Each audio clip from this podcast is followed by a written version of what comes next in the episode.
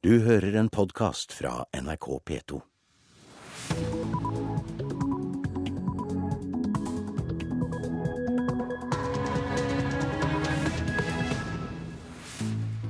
Dette er P2s Nyhetsmorgen.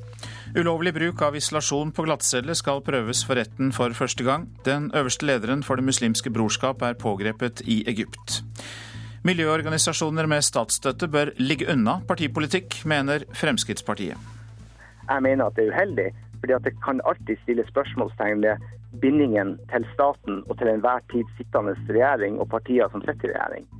FrPs klimapolitiske talsmann Per-Willy Amundsen. Mange forhåndsstemmer før dette stortingsvalget. Og planene om et 60 meter høyt hotell i Tromsø skaper debatt og protestgruppe på Facebook. Her i studio, Øystein Heggen.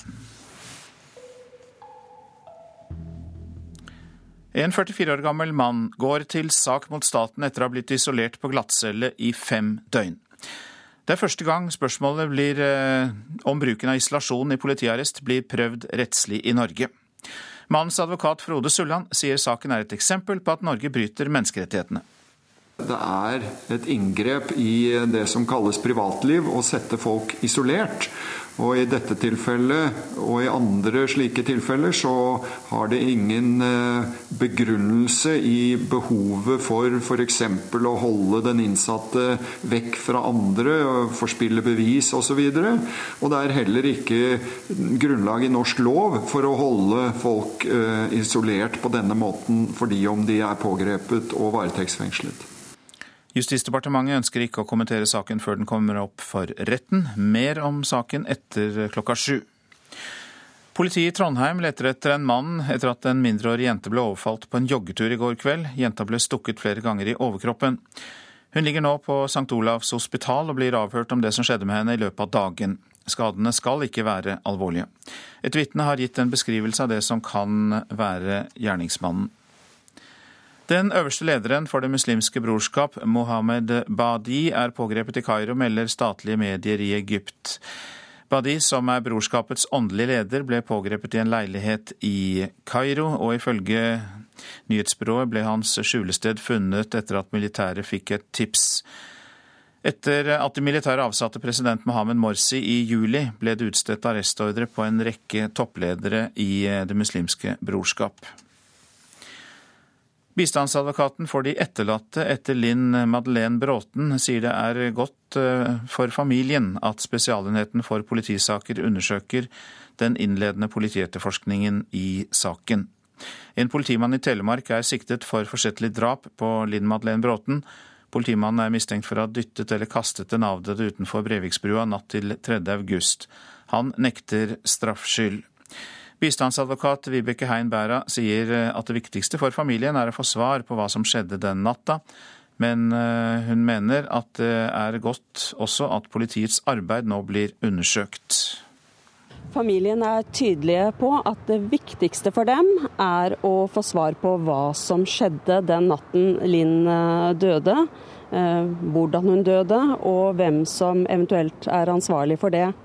Men samtidig så opplever de jo den innledende fasen av eh, etterforskningen eh, så eh, vanskelig og så dårlig håndtert, slik de opplevde det, at det er godt for dem at også det blir undersøkt. Liv Øyen, leder for Spesialenhetens avdeling i Øst-Norge, sa dette til NRK i går om hva de vil undersøke i saken. Undersøkelsene våre vil knytte seg til Telemark politidistrikt innledende etterforskning av saken og den nå drapssikta tjenestemannens rolle. Deres undersøkelser vil avgjøre om det er grunn til å tro at politiet i Telemark har begått en straffbar handling i deres arbeid etter at Linn Madeleine Bråten ble funnet død 3.8.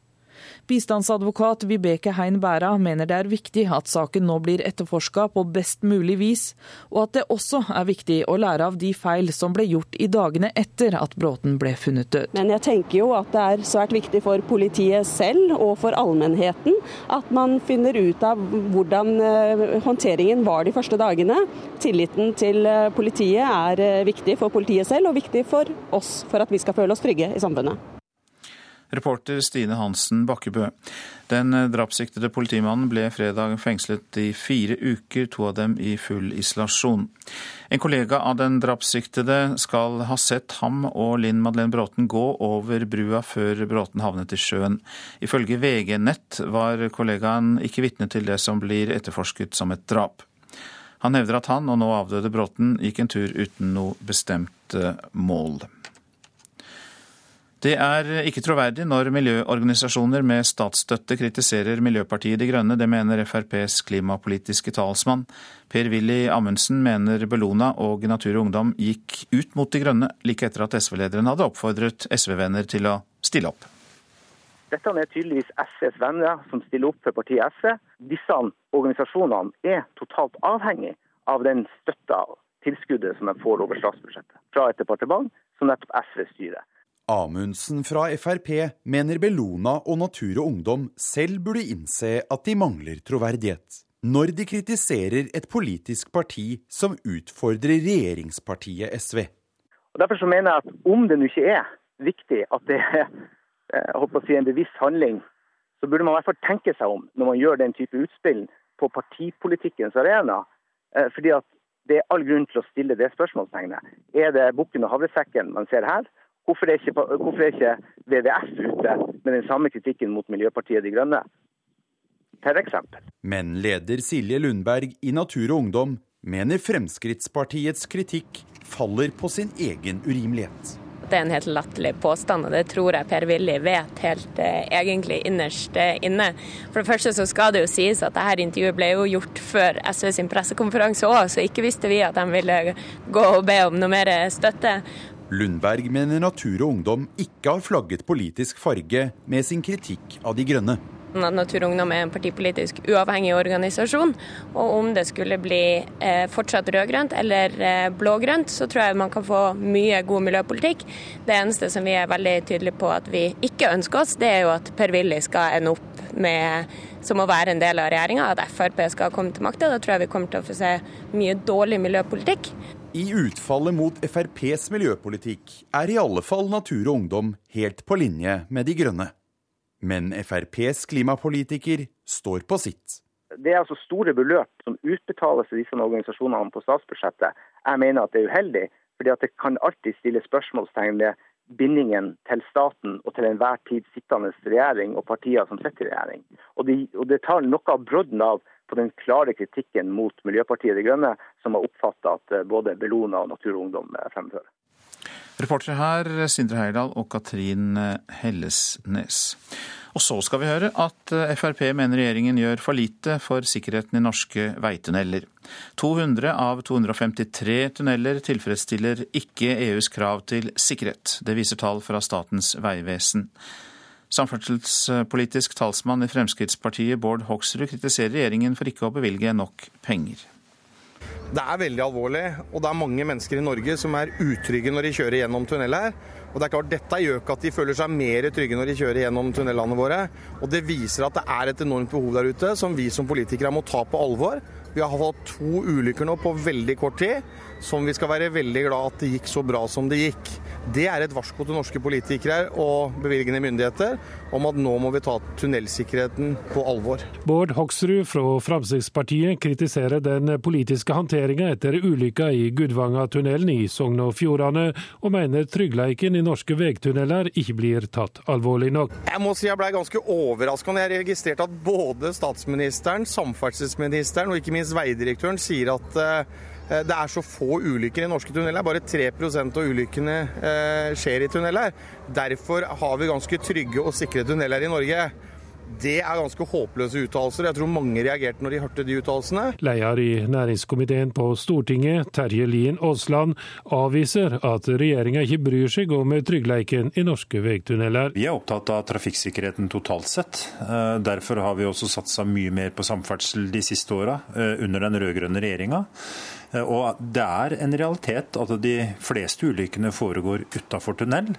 Men det betyr ikke at vi nedprioriterer eh, forholdet til tunnelsikkerheten. Tall fra Statens vegvesen viser at bare 200 av 253 norske veitunneler tilfredsstiller EU sine krav til trygghet, og at det vil koste 7 milliarder kroner å oppgradere veitunnelene.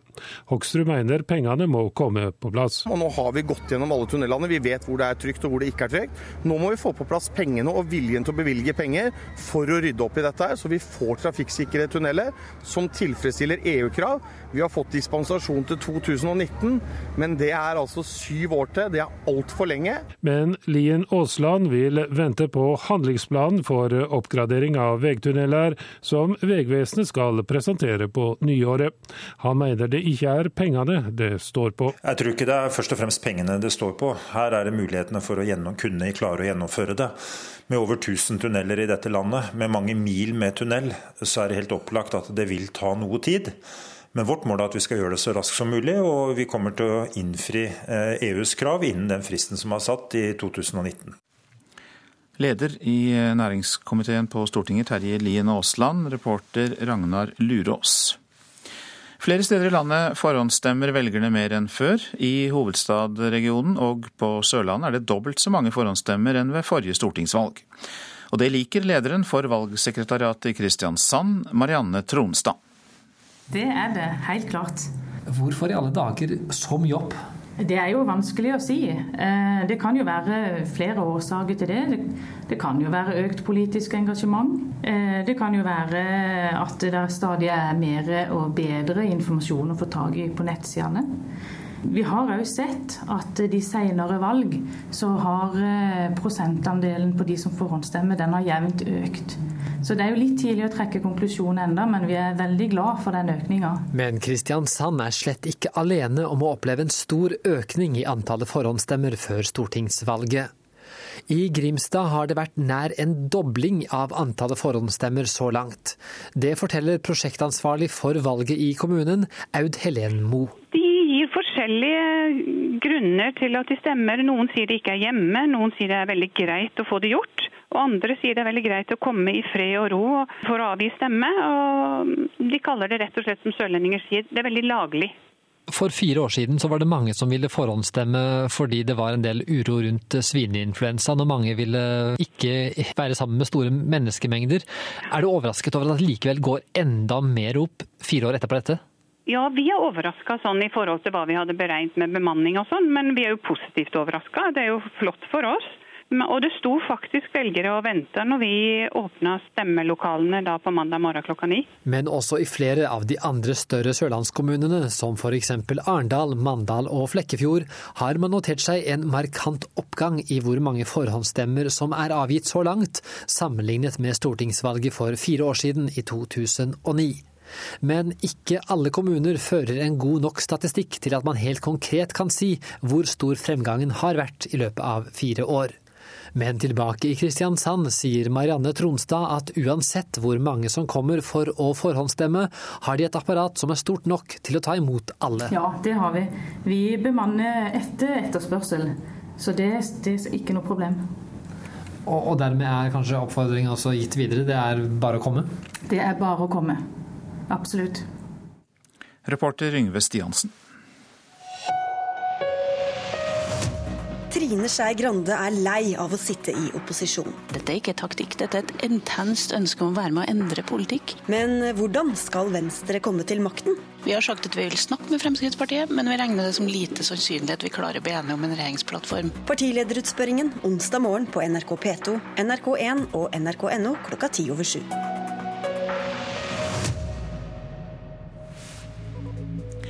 Hvordan ser avisforsidene ut? Her er et lite utvalg.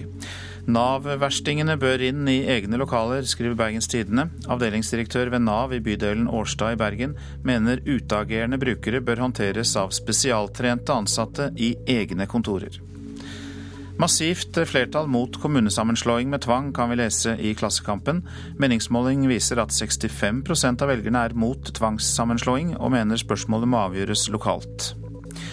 Det blir slutt på gratis frukt, lovfestet leksehjelp og kultur på SFO hvis Høyre tar over Skole-Norge. Det skriver Aftenposten. Innsparingene skal gå til å styrke lærerne.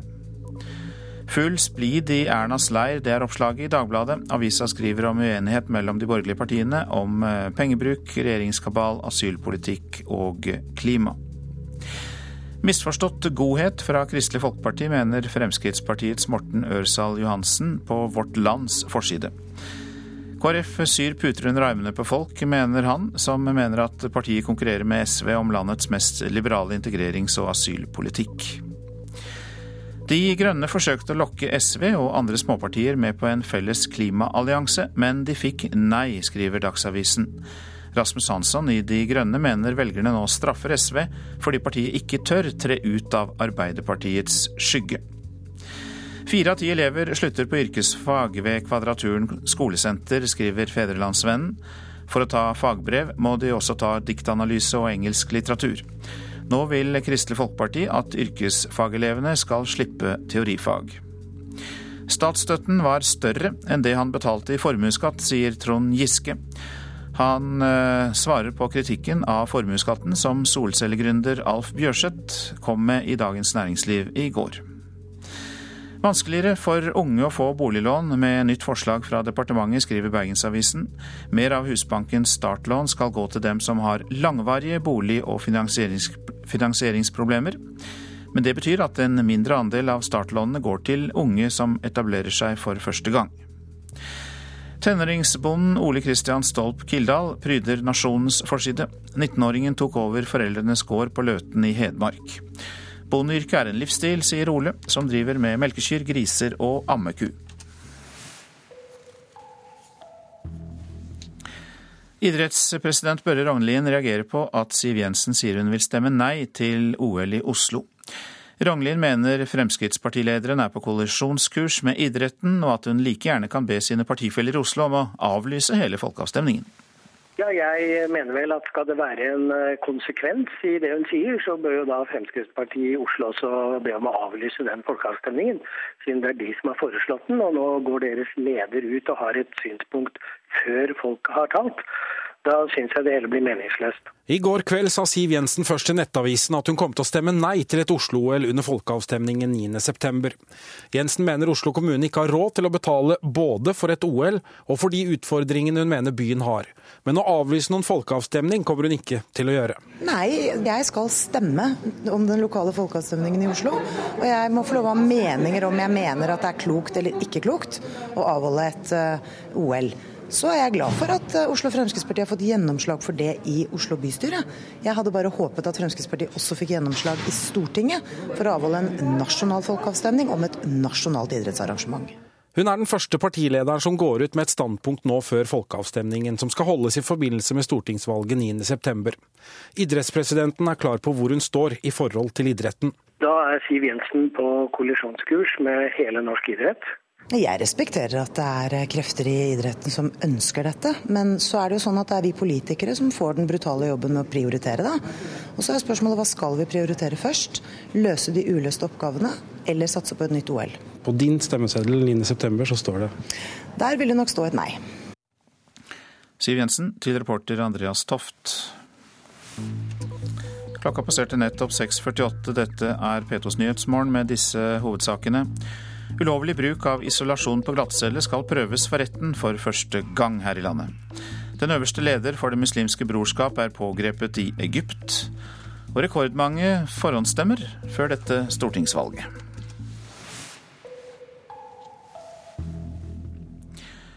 Sammenslåingen av Oslo-sykehusene må granskes av en uavhengig gruppe. Det krever Legeforeningen. Lange køer, feilbehandling og økonomiske problemer er årsaken til dette kravet fra Legeforeningen, som mener at uh, en intern statlig granskning, uh, at et uh, statlig tilsyn ikke ville kunne klare å gjennomføre en slik granskning. Vi mener det må gjøres en uavhengig granskning av denne omstillingsprosessen, som ser spesielt på hva slags beslutningsgrunnlag som lå for den prosessen, og hvilke effekter dette har hatt for pasientbehandlingen i hovedstadsområdet. Det sier Christian Grimsgaard i Legeforeningen ved Oslo universitetssykehus. Han er ikke nådig etter alt som har gått galt ved Oslo-sykehusene de siste årene. Lange køer, stress og feilbehandlinger, og stadig flere klager mot noen sykehus i en stadig dypere økonomisk hengemyr. Han mener det må granskes hvordan sammenslåingen av sykehusene har gått utover pasientene. Man må sette seg ned og se spesielt på de mange uheldige hendelsene som vi har sett en del oppslag på, men ser det i sammenheng. Den såkalte Oslo-prosessen startet allerede i 2008. Ahus ble bygget, nytt og flott, mens Aker sykehus ble lagt ned. En kjempetabbe, mener Legeforeningen, og påpeker at Ahus dermed fikk ansvaret for 130 000 flere mennesker enn det var plass til. Køene har da også vokst og vokst. Nå sist viser det seg at trang økonomi har rammet vedlikeholdet hardt. Hovedverneombudet ved Oslo universitetssykehus, Per Oddvar Synnes, fortalte i går om gamle bygg som må utbedres for 9 milliarder kroner. Her er da eh, medisinsk blokk som synker ned i grunnen. Da. Men dette er bygg som det er pasienter i? Ja, det er mesteparten av den indremedisinske virksomheten av det her på Ullevål.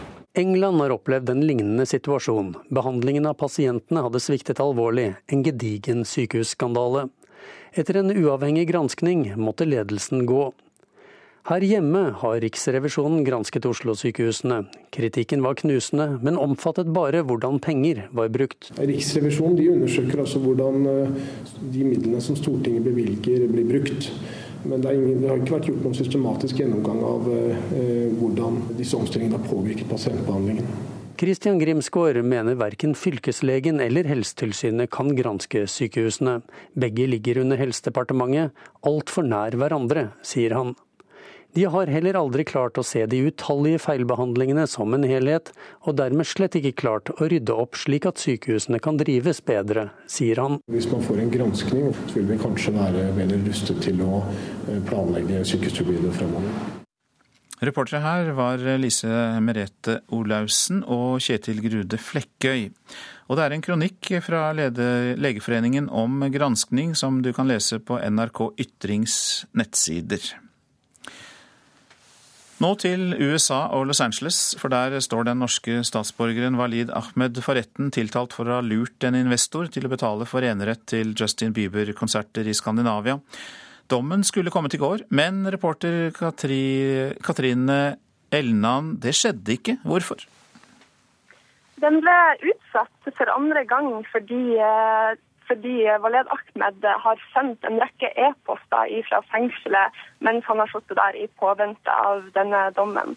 Disse e-postene har FBI oversatt, og de mener at eh, e-postene viser at 22-åringen har forsøkt å slette bevis, og også motarbeide etterforskninga av saken. Eh, på fredag så kom forsvareren til 22-åringen på banen og mente at eh, disse oversettelsene rett og slett var uriktige og han krevde nye oversettelser av disse e-postene. Dermed endte saken opp med å bli utsatt i dag, fordi dommeren mente at det var viktig å ha all riktig informasjon på, på bordet før det ble avsagt en endelig dom. Så når kan dommen komme?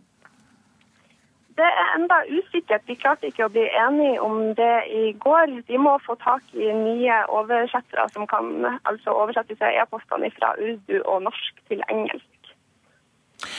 Hva er eh, Walid Ahmed egentlig anklaget for? Kan du ta oss litt igjennom hva det dreier seg om dette her?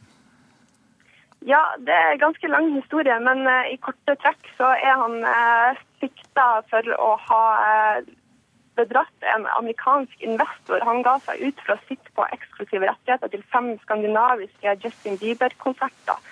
Eh, og fikk da denne amerikanske investoren til å overføre nærmere 6 millioner kroner til sine personlige bankkonti.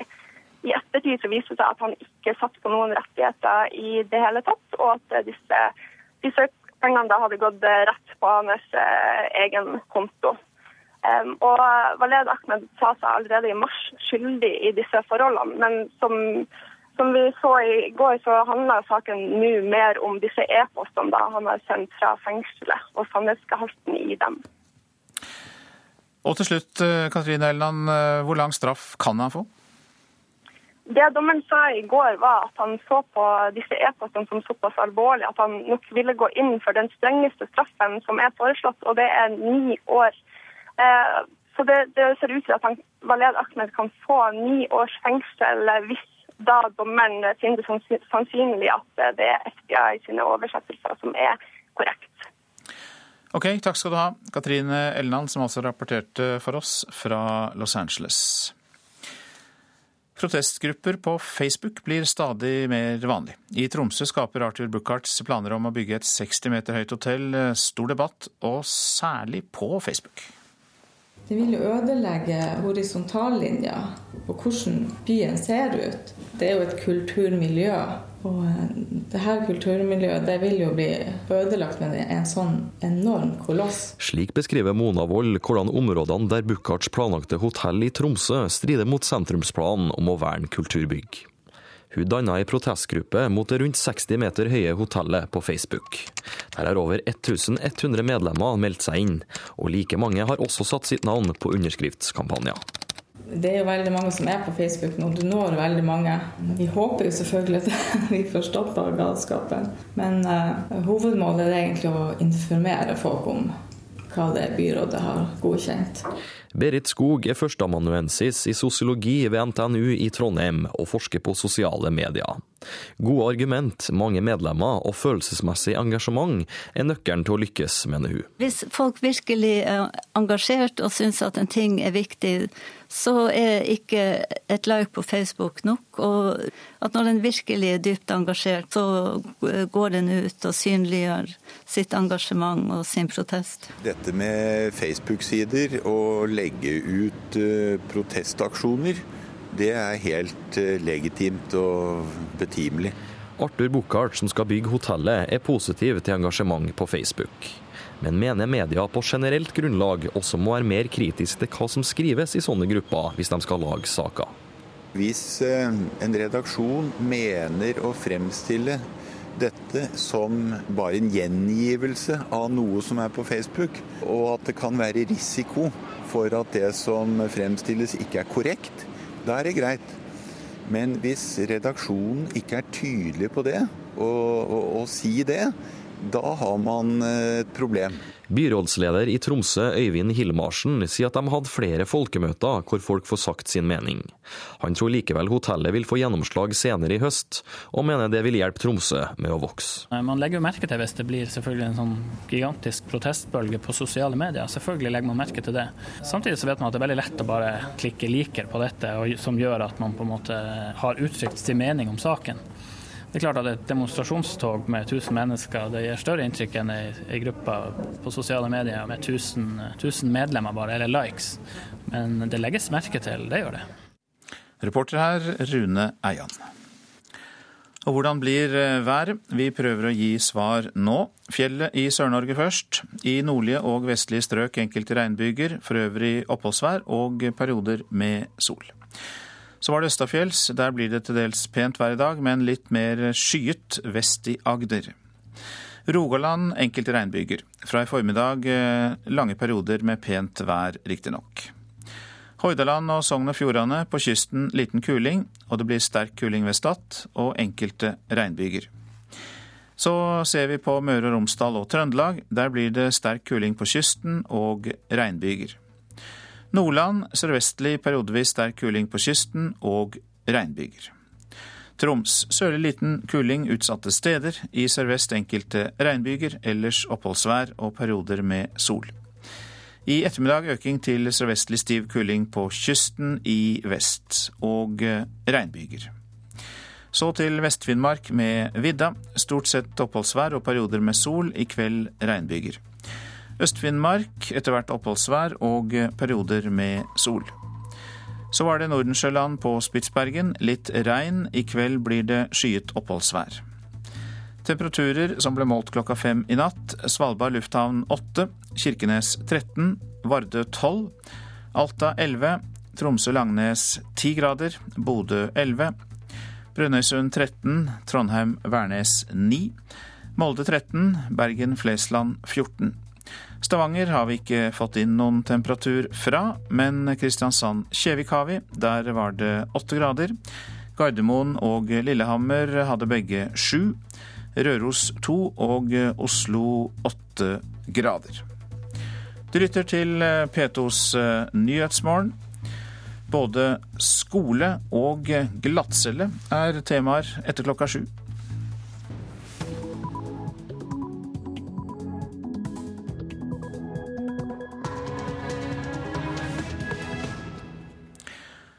Du lytter til P2s eh, Nyhetsmorgen. Her i studio, Øystein Heggen. Dette er en nyhetsoppdatering. Norge har prioritert mange lærere framfor gode lærere, mener internasjonal utdanningstopp. If you actually look around the world, most high-performing systems prioritize the quality of teaching. Rundt omkring i verden ser du at de beste skolesystemene prioriterer undervisningskvalitet og kvaliteten på lærere framfor slikt som hvor store klassene skal være. Det sa reporter Håvard Grønli, og vi hørte da også lederen for de internasjonale PISA-undersøkelsene, Andreas Schleicher. Ulovlig bruk av isolasjon på glattcelle skal prøves for retten for første gang her i landet. Det er et inngrep i det som kalles privatliv, å sette folk isolert.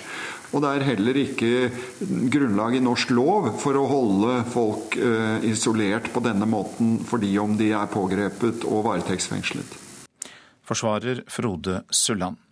Den øverste lederen for Det muslimske brorskap er pågrepet i Egypt. Miljøorganisasjoner med statsstøtte bør ligge unna partipolitikk. Det mener Frp etter at Natur og Ungdom og Bellona kritiserte Miljøpartiet De Grønne. Dette er tydeligvis SVs venner som stiller opp for partiet SV.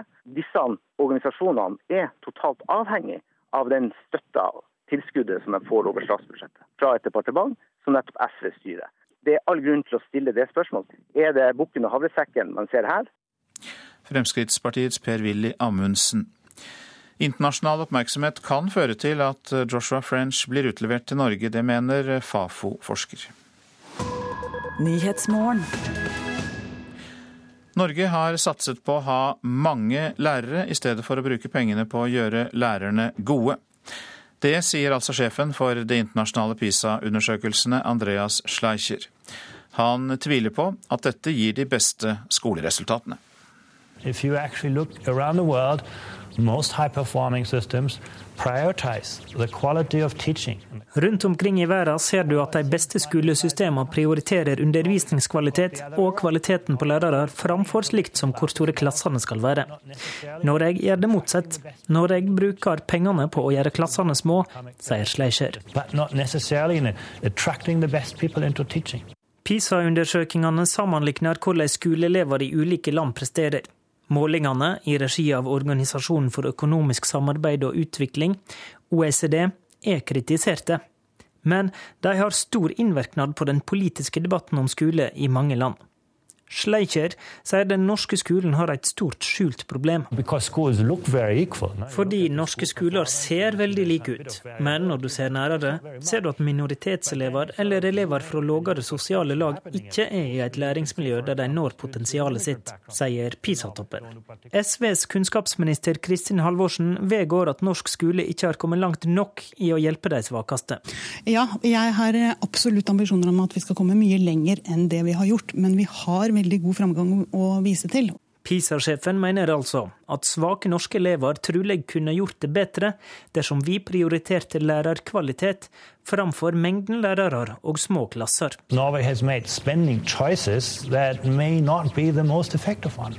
Utdanningsforbundet er av de som hele tida har kjempa for flere lærere i skolen.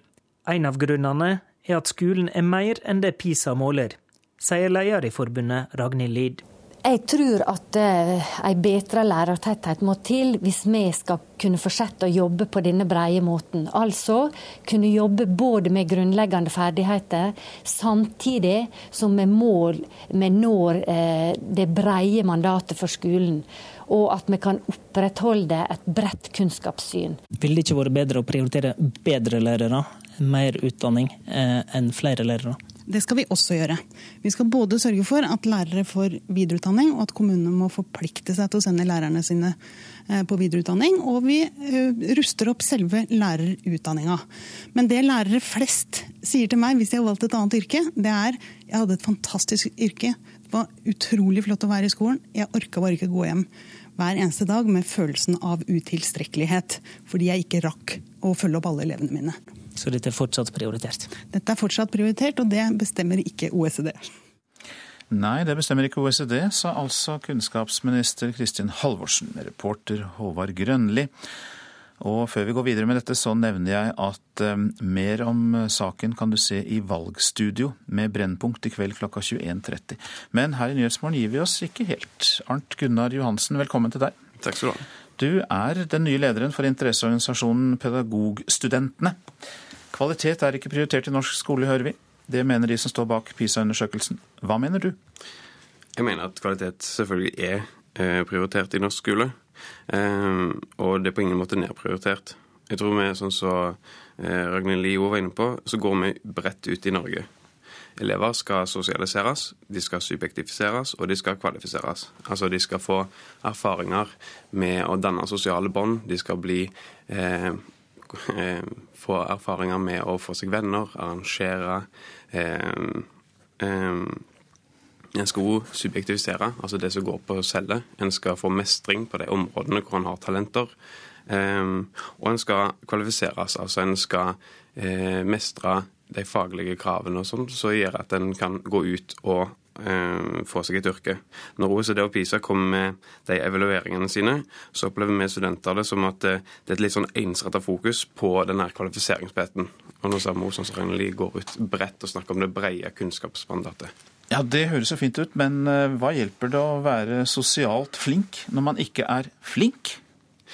Mm flink nok i de teoretiske fagene? Da hjelper det ikke om man hjelper elevene til å bli sosialt flinke?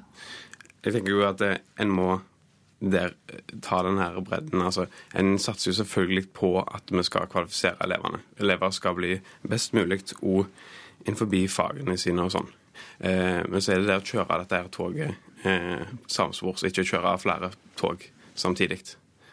Men kan man få i pose og sekk, tenker jeg på. Fordi eh, kan man både få flere lærere, som dere da ønsker, og eh, få eh, bedre lærere innenfor de samme økonomiske rammene? Jeg tenker ja, det er vi nødt til. Eh, hvis vi ser på eh, hvordan situasjonen er i Norge i dag, så mangler vi eh, opp mot 11 kanskje 20 000 lærere i framtida. Så vi må kunne tenke på at vi trenger flere lærere. Men jeg ser ikke at det skal gå imot at vi trenger bedre lærere. Vi må evne å ha de to hattene på samtidig. Hvordan syns du at den norske skolen da skal bli bedre, og ikke minst eh, kanskje få med oss de som fortsatt eh, faller utenfor? Um, for vår del, hvis vi tenker på lærerutdanning, da, så ønsker vi at den skal bli lagt på masternivå. Um, og vi ønsker da, Nå snakker vi på en måte, da setter vi eleven først, og så sier vi hva vi ønsker for eh, lærerprofesjonen med tanke på lærerutdanning. Eh, vi vil i tillegg at eh, en skal prøve å redusere den lekkasjen som er etter den endte utdanningen. Altså etter vi er ferdige med utdanningen vår, så ønsker vi at vi skal jobbe for å uh, minske lekkasjen som er de første årene i yrket vårt. så at uh, ikke, ikke, så mange hopper av yrket etterpå, etter utdanningen? Nettopp. Mm. Um, i tillegg så går det på dette her med lærertetthet. En skal ha mulighet til å kunne ha en relasjon med hver enkelt elev, sånn at en kan gå ut bredt og både satse på det faglige og på det sosiale og det som går på subjektet. Altså det òg kunnskapsministeren var inne på. Så du vil vel egentlig ha både i pose og sekk, du da? Eh, ja. ok, det var et klart svar.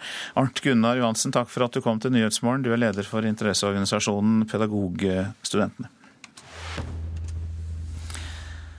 For første gang i historien er staten saksøkt for å ha isolert en mann på glattcelle. 44-åringen eh, satt isolert i politiarrest i fem døgn. Det er brudd på menneskerettighetene, mener mannens advokat Frode Sulland. Problemet i saken og i disse sakene generelt er ikke varetekt som sådan, men at man plasseres isolert i en glattcelle Advokat Frode Sulland representerer mannen som nå går til sak mot staten etter å ha blitt holdt i politiarresten tre døgn over den tillatte fristen på 48 timer. Og eh, I dette tilfellet så var det helt greit at han eh, ble varetektsfengslet, men det var overhodet ingen begrunnelse for å holde ham isolert på en slik celle. Cellene i den nye sentralarresten i Oslo består av glatte vegger, en gul madrass og toalett i det ene hjørnet.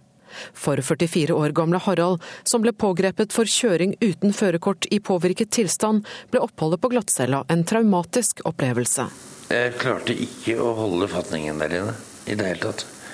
Det ble, det, det ble for mye. Det, det, var veggene som kom. Var, jeg følte meg liten. Jeg følte meg, jeg følte meg, ikke, verdt noen ting.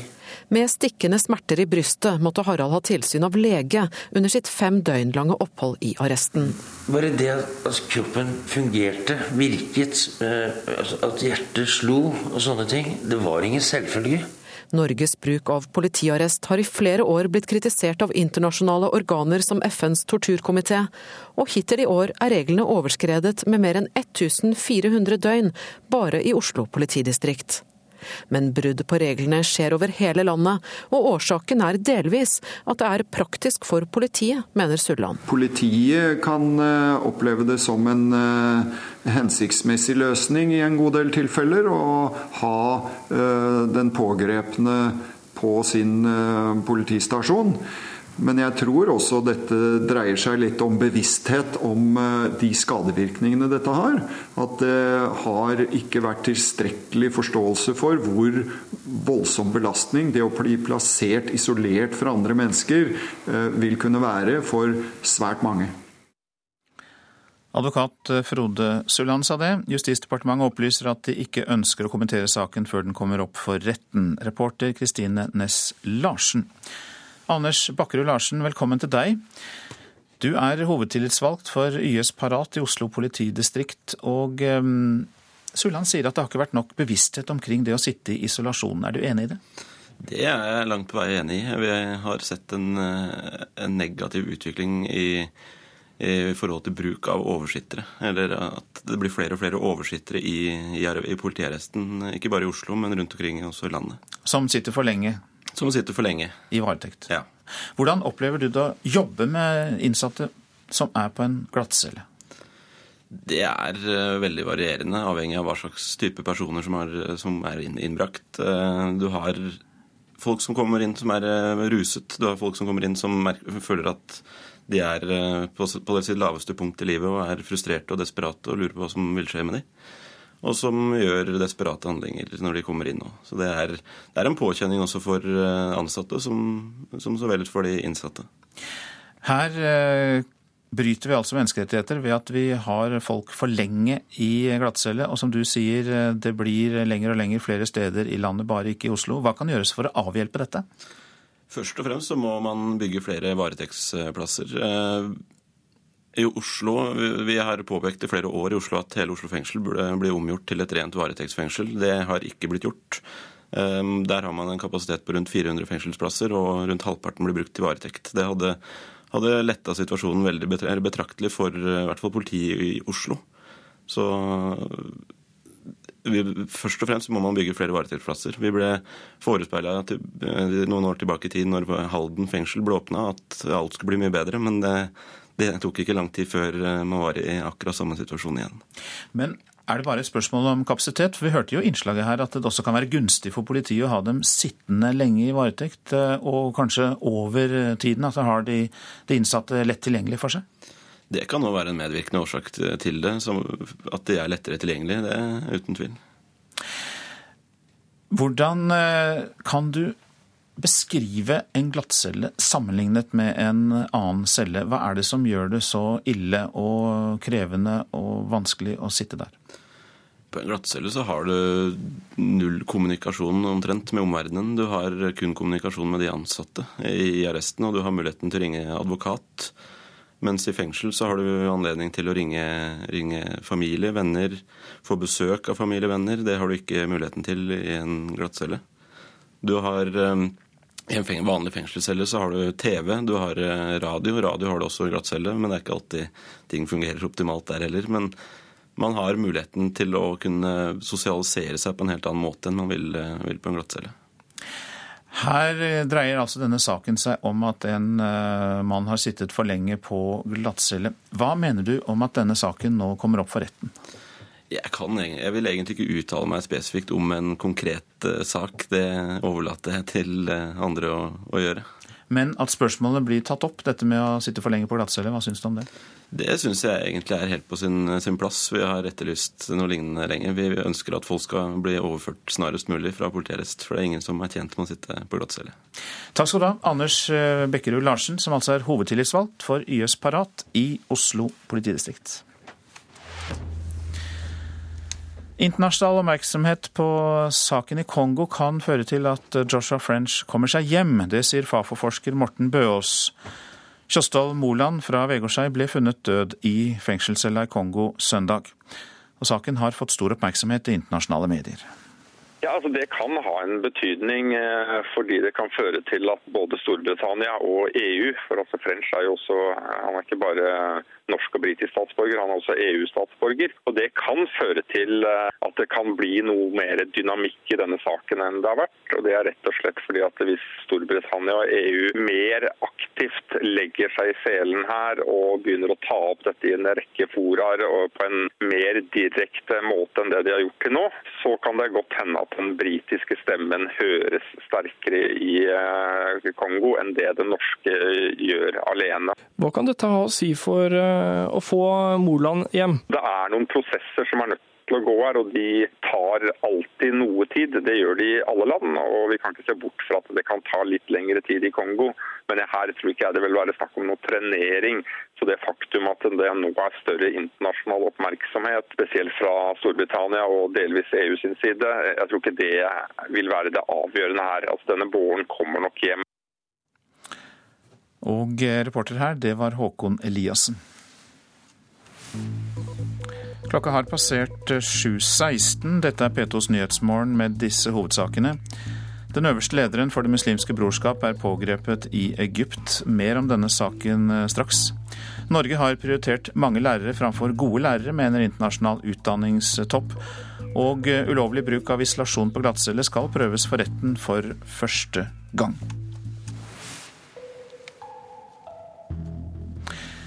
Ja, Politiet i Egypt har arrestert den øverste lederen for det muslimske brorskapet, Mohammed Badi.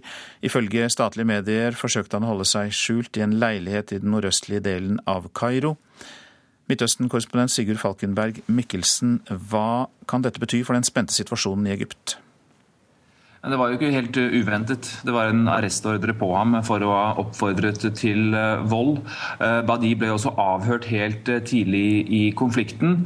Han holdt deretter noen meget kontroversielle taler før han forsvant fra radaren.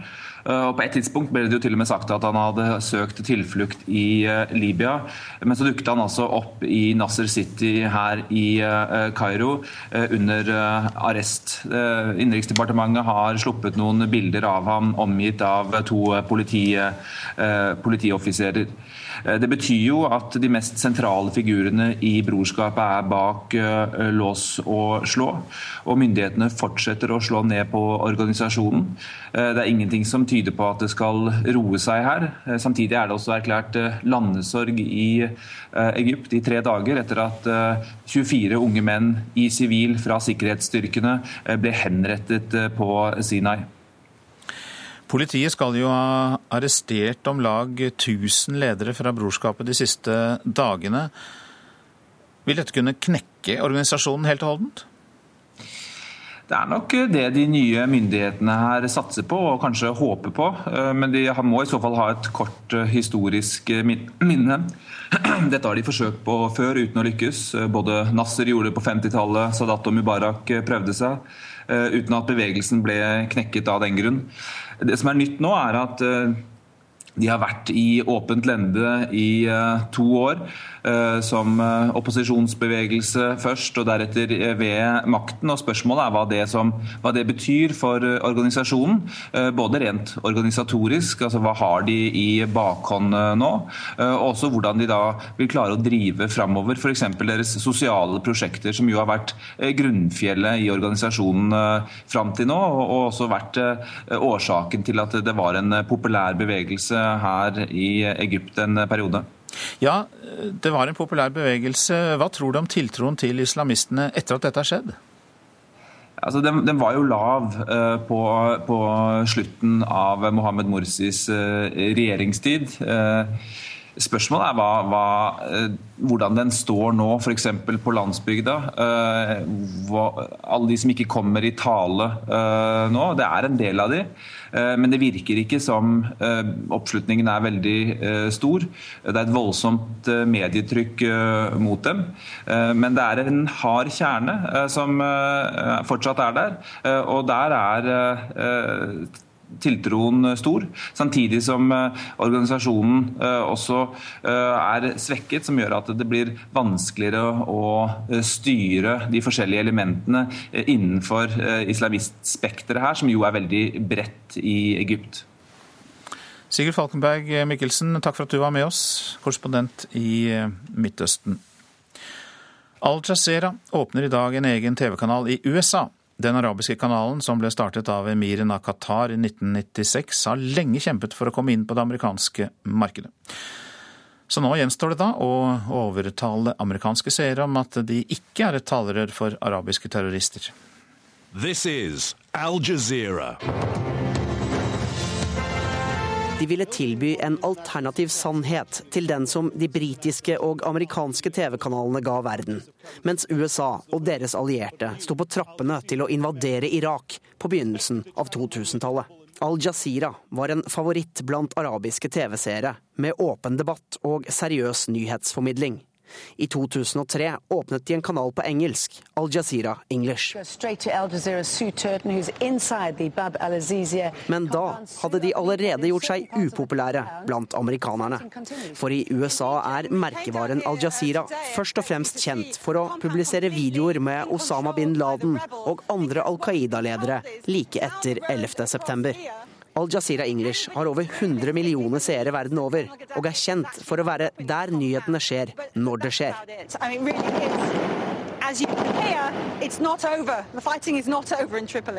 Men i USA var det umulig å få et av de store nettverkene med på laget. Dermed manglet Al Jazeera det viktige mellomleddet i det enorme TV-markedet. Løsningen var å kjøpe den lille TV-kanalen Current TV og bruke dens tilgang på kabelnettverket i USA. Og fra i dag vil rundt 50 millioner husstander landet over ha tilgang til Al Jazeera America. Kanalsjef Ehab al-Shihabi lover mer reportasjestoff og mindre av de typisk amerikanske TV-showene der høylytte eksperter og meningsbærere snakker i munnen på hverandre. Fox News. It is very much opinionated in news. You know, taking side. I am not. I am fact-based. I am unbiased, so I have different, in my opinion, different audience. Og de kan tilby den kvalitetsjournalistikken amerikanske TV-stasjoner har gitt slipp på, mener den kjente nyhetsankeren Dave Marish. The hallmark of their brand is we are on the scene with real reportage. Ehab al-Shihabi er ikke i tvil om hva som vil stå i fokus. I like rating, and we're gonna stick with the rating. I like money, we're gonna stick with the money. But there is a critical important piece that we don't want to miss. Accuracy, unbiased, in-depth, quality of journalism. Americans deserve quality of journalism. Reportasjen var laget av Stig Arild Pettersen. Pakistans tidligere president Pervez Musharraf er siktet for drapet på opposisjonslederen Benazir Bhutto. I siktelsen heter det at han ikke greide å hindre at den tidligere statsministeren Bhutto altså ble drept under valgkampen i 2007. Musharraf, som har sittet i husarrest i utkanten av hovedstaden Islamabad siden april, avviser anklagene. Så til avisenes forsider i dag. Nav-verstinger bør inn i egne lokaler, skriver Bergens Tidende. Avdelingsdirektør ved Nav i bydelen Årstad i Bergen mener utagerende brukere bør håndteres av spesialtrente ansatte i egne kontorer. Massivt flertall mot kommunesammenslåing med tvang, kan vi lese i Klassekampen. Meningsmåling viser at 65% av velgerne er mot tvangssammenslåing, og mener spørsmålet må avgjøres lokalt. Det blir slutt på gratis frukt, lovfestet leksehjelp og kultur på SFO hvis Høyre tar over roret i Skole-Norge, skriver Aftenposten. Innsparingene skal gå til å styrke lærerne. Full splid i Ernas leir, det er oppslaget i Dagbladet. Avisa skriver om uenighet mellom de borgerlige partiene om pengebruk, regjeringskabal, asylpolitikk og klima. Misforstått godhet fra Kristelig Folkeparti, mener Fremskrittspartiets Morten Ørsal Johansen på Vårt Lands første side. De syr puter under armene på folk, mener Johansen, som mener KrF konkurrerer med SV om å være landets mest liberale integrerings- og asylparti. De Grønne forsøkte å lokke SV og andre småpartier med på en felles klimaallianse, men de fikk nei, skriver Dagsavisen. Rasmus Hansson i De Grønne mener velgerne nå straffer SV fordi partiet ikke tør tre ut av Arbeiderpartiets skygge. Fire av ti elever slutter på yrkesfag ved Kvadraturen skolesenter Kristiansand, skriver Fedrelandsvennen. For å ta fagbrev må de også ta diktanalyse og engelsk litteratur. Nå vil Kristelig Folkeparti at yrkesfagelevene skal slippe teorifag. Statsstøtten var større enn det han betalte i formuesskatt. Det sier Trond Giske. Næringsministeren svarer på kritikken av formuesskatten som solcellegründer Alf Bjørseth kom med i Dagens Næringsliv i går. Vanskeligere for unge å få boliglån med nytt forslag fra departementet, skriver Bergensavisen. Mer av Husbankens startlån skal gå til dem som har langvarige bolig- og finansieringsproblemer.